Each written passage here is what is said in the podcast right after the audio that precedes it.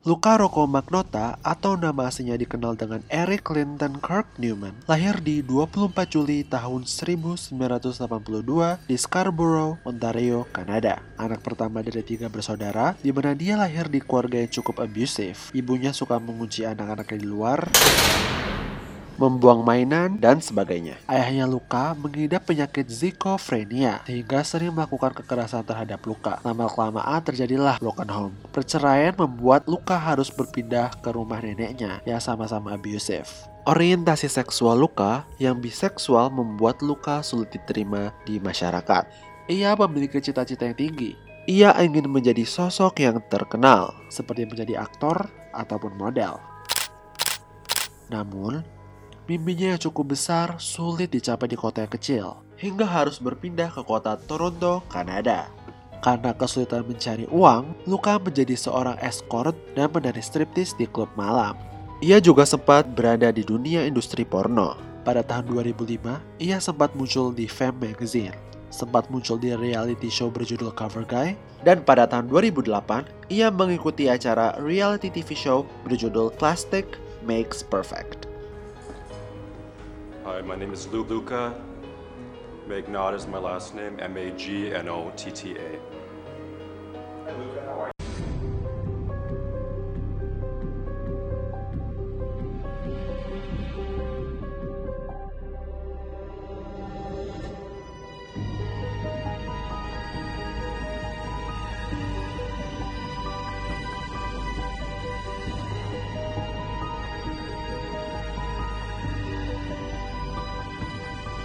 Of Criminal.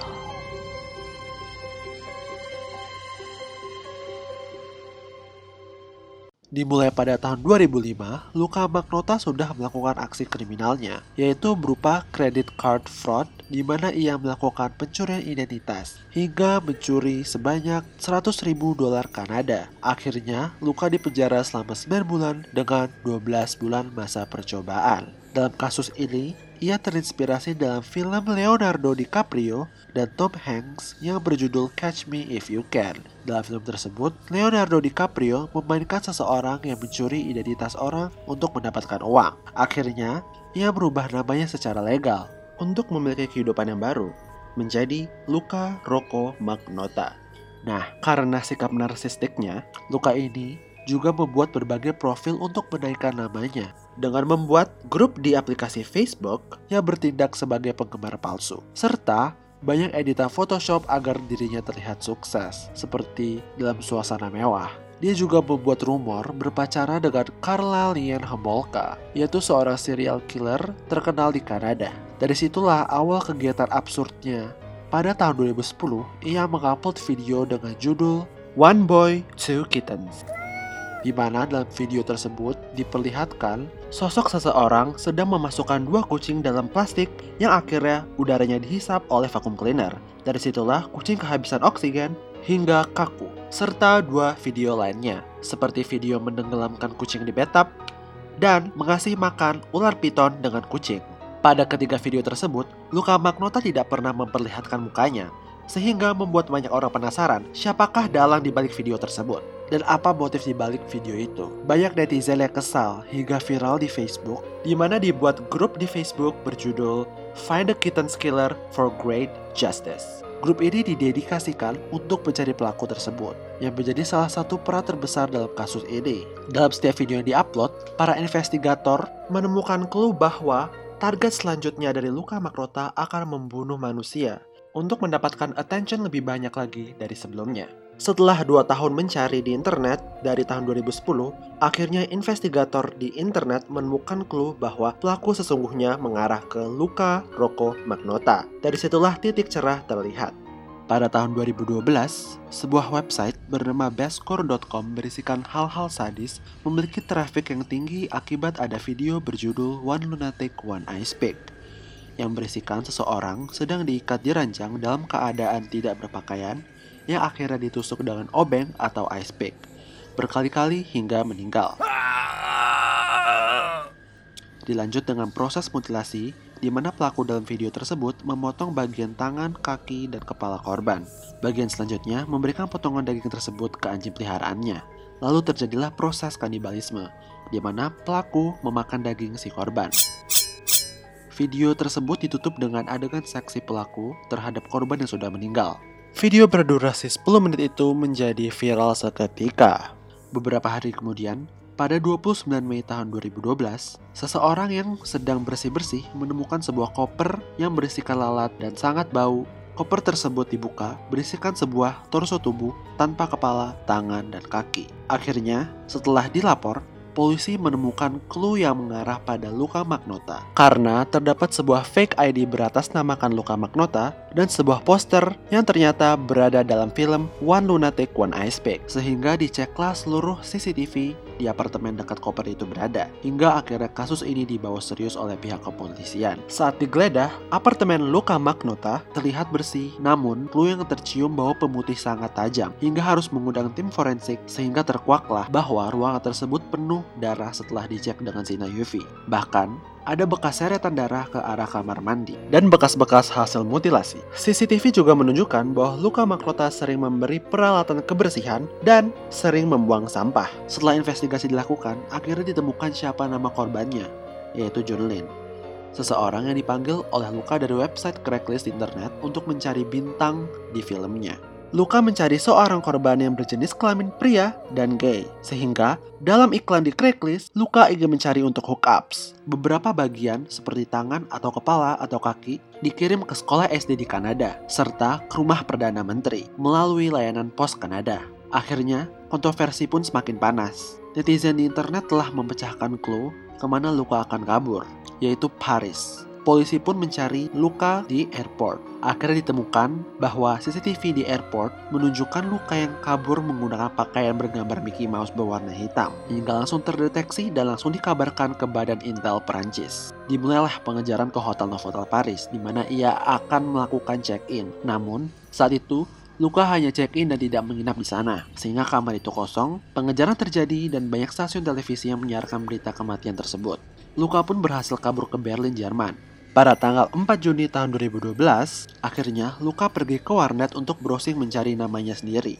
Pada saat itu, admin di warnet suka membaca berita sehingga up to date. Akhirnya sosok Luka Magnota menjadi sosok yang dikenal oleh admin tersebut. Sosok Luka Magnota menjadi sosok yang dikenal oleh admin tersebut. Karena ia merasa suspicious, ia tetap memberikan pelayanan ke Luka. Namun, diberikanlah komputer yang menghadap ke belakang sehingga tidak terlihat. Admin warnet pun pura-pura membersihkan lantai dan melihat Luka sedang mencari namanya sendiri di daftar Most Wanted Badan Intelijen Jerman. Admin semakin yakin dan berhasil memberitahu ke tentara dan akhirnya ditangkap ditangkaplah Luka Magnota. Luka Magnota pun dipulangkan dengan pesawat tentara karena tidak ada pesawat komersil yang ingin menerbangkan Luka Magnota. Saat proses interogasi, Luka Magnota pun halu karena ia mengatakan bahwa semua tindakan itu merupakan suruhan oleh seseorang bernama Manny yang allegedly abusive terhadap Luka serta menyuruh Luka untuk membuat video saat membunuh John Lane. Alibi ini tentunya diperkuat oleh seorang pengacara yang Luka pernah datangi beberapa tahun sebelumnya. Luka bercerita bagaimana Manny ini abusive serta selalu mengirimkan foto Luka yang telah disakiti. Sering konsultasi juga dan setelah pengecekan telepon Luka dan orang bernama Manny ini, ternyata tidak ada yang namanya Manny karena Manny never exist. Pada proses pembunuhan tersebut, Luka terinspirasi oleh film berjudul Basic Instinct. Perbandingan dari cara membunuhnya, cara mengikat, saat interogasi dengan meminta rokok dan menyalakan kakinya, dan lain-lain. Sehingga, ia mengikuti adegan dari film tersebut. Nama Manny pun terinspirasi dari salah satu peran di film tersebut. Seakan-akan ia menjadi tribute dalam film tersebut. Pada akhirnya, Luka dituntut seumur hidup pada tahun 2014 dan sudah menikah dengan salah satu teman selnya yang juga laki-laki pada tahun 2017 bernama Anthony Jolin.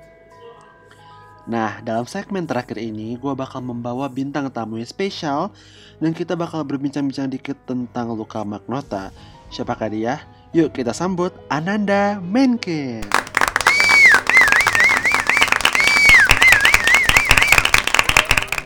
Hai Nanda.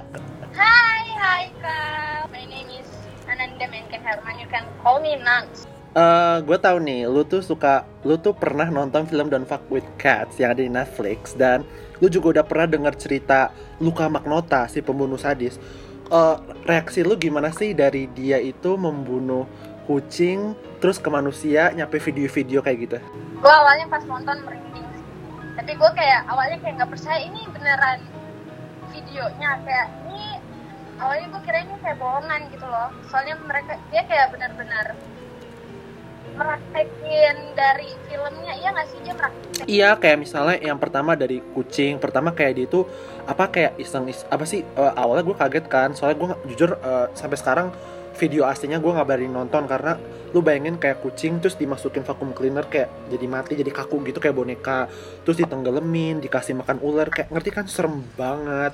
Se- nah banget tapi iya bener ya tadi kata lu bilang yang dari film-film itu. Jadi tuh dia tuh eh, saking narsisnya dia tuh suka banget film Hollywood.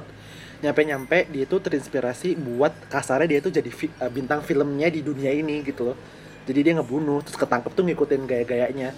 Nyampe eh, jujur gue sendiri udah liat film eh, apa videonya. Dan lu sendiri lu takut liat video aslinya. Dan itu emang bener-bener eh, sadis banget. Dan reaksi lu gimana sih? Kayak eh, yang kayak eh, dengar deskripsinya di mana dia mutilasi terus kanibal sama having sex dengan eh, mayatnya gitu Oke setelah gua mengatakan kalau ini itu fakta, itu gua kayak benar-benar nggak bisa tidur. Kayak literally gua kayak masih shock gitu kan.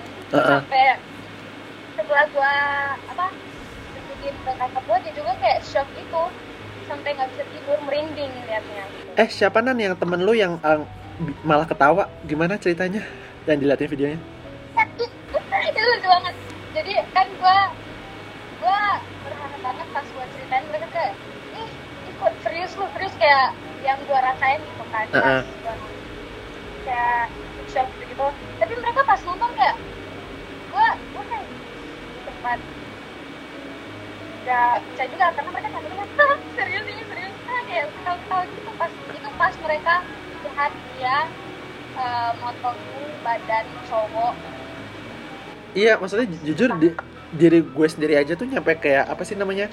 Kayak jujur gue agak trauma sih ngeliat itu soalnya gue kayak nggak nyangka aja kayak ada orang segila itu kayak kayak gue nggak nyangka orang kayak gitu tuh eh, ada di kehidupan ini gitu, nyampe bunuh-bunuh orang. Ngerti kan sih kayak gue aja nggak ngerti. Tapi untungnya sih dia kayak udah ditangkap. Gue seneng banget kayak pas eh, ceritanya ditangkap dan itu kasusnya pas kita umur kayak kelas 6 gitu.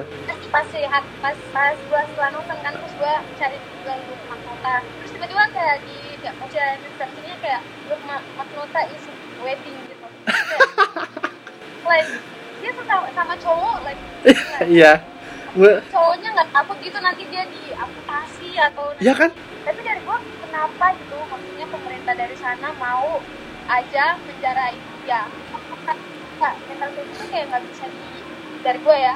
Mental itu kalau nggak bawa ke apa sih dokter itu pasti kayak akan tetap ada gitu loh di Coba reaksi akhir lu gimana kayak kesimpulan lu? uh, I don't know. Pasti shock pas lihat video itu kan dan tidur itu sih sama gue pas lihat videonya itu kayak gue nonton dulu video yang dia meraktekin gue biar gue kayak iya gue kayak gue kayak harus pastiin ini bener-bener kayak dia salinin dari film Iya. jadi gue kayak nonton gitu loh filmnya dan bener-bener sama gitu loh Ji. Iya betul. So ya, thank you so much Ananda for coming to my show and it's an honor. So senses, itu aja untuk episode ini. Gue udah menceritakan cerita yang sangat sadis tentang Luka Magnota. Dan apabila kalian pengen mendengarkan episode ini kembali atau pengen denger episode yang lain bisa just cek aja di www.soundcloud.com slash Setiap hari Jumat pukul 7 malam hanya di SoundCloud. Atau kalian juga bisa langsung follow Instagram dan suara aku di @haikalarsya. Nah, untuk minggu depan bakal ada episode spesial lagi, yaitu episode terakhir, dan gue bakal membawa guest star yang cukup spesial. Please stay tuned, and I'll see you on the next episode. Thank you. Bye guys.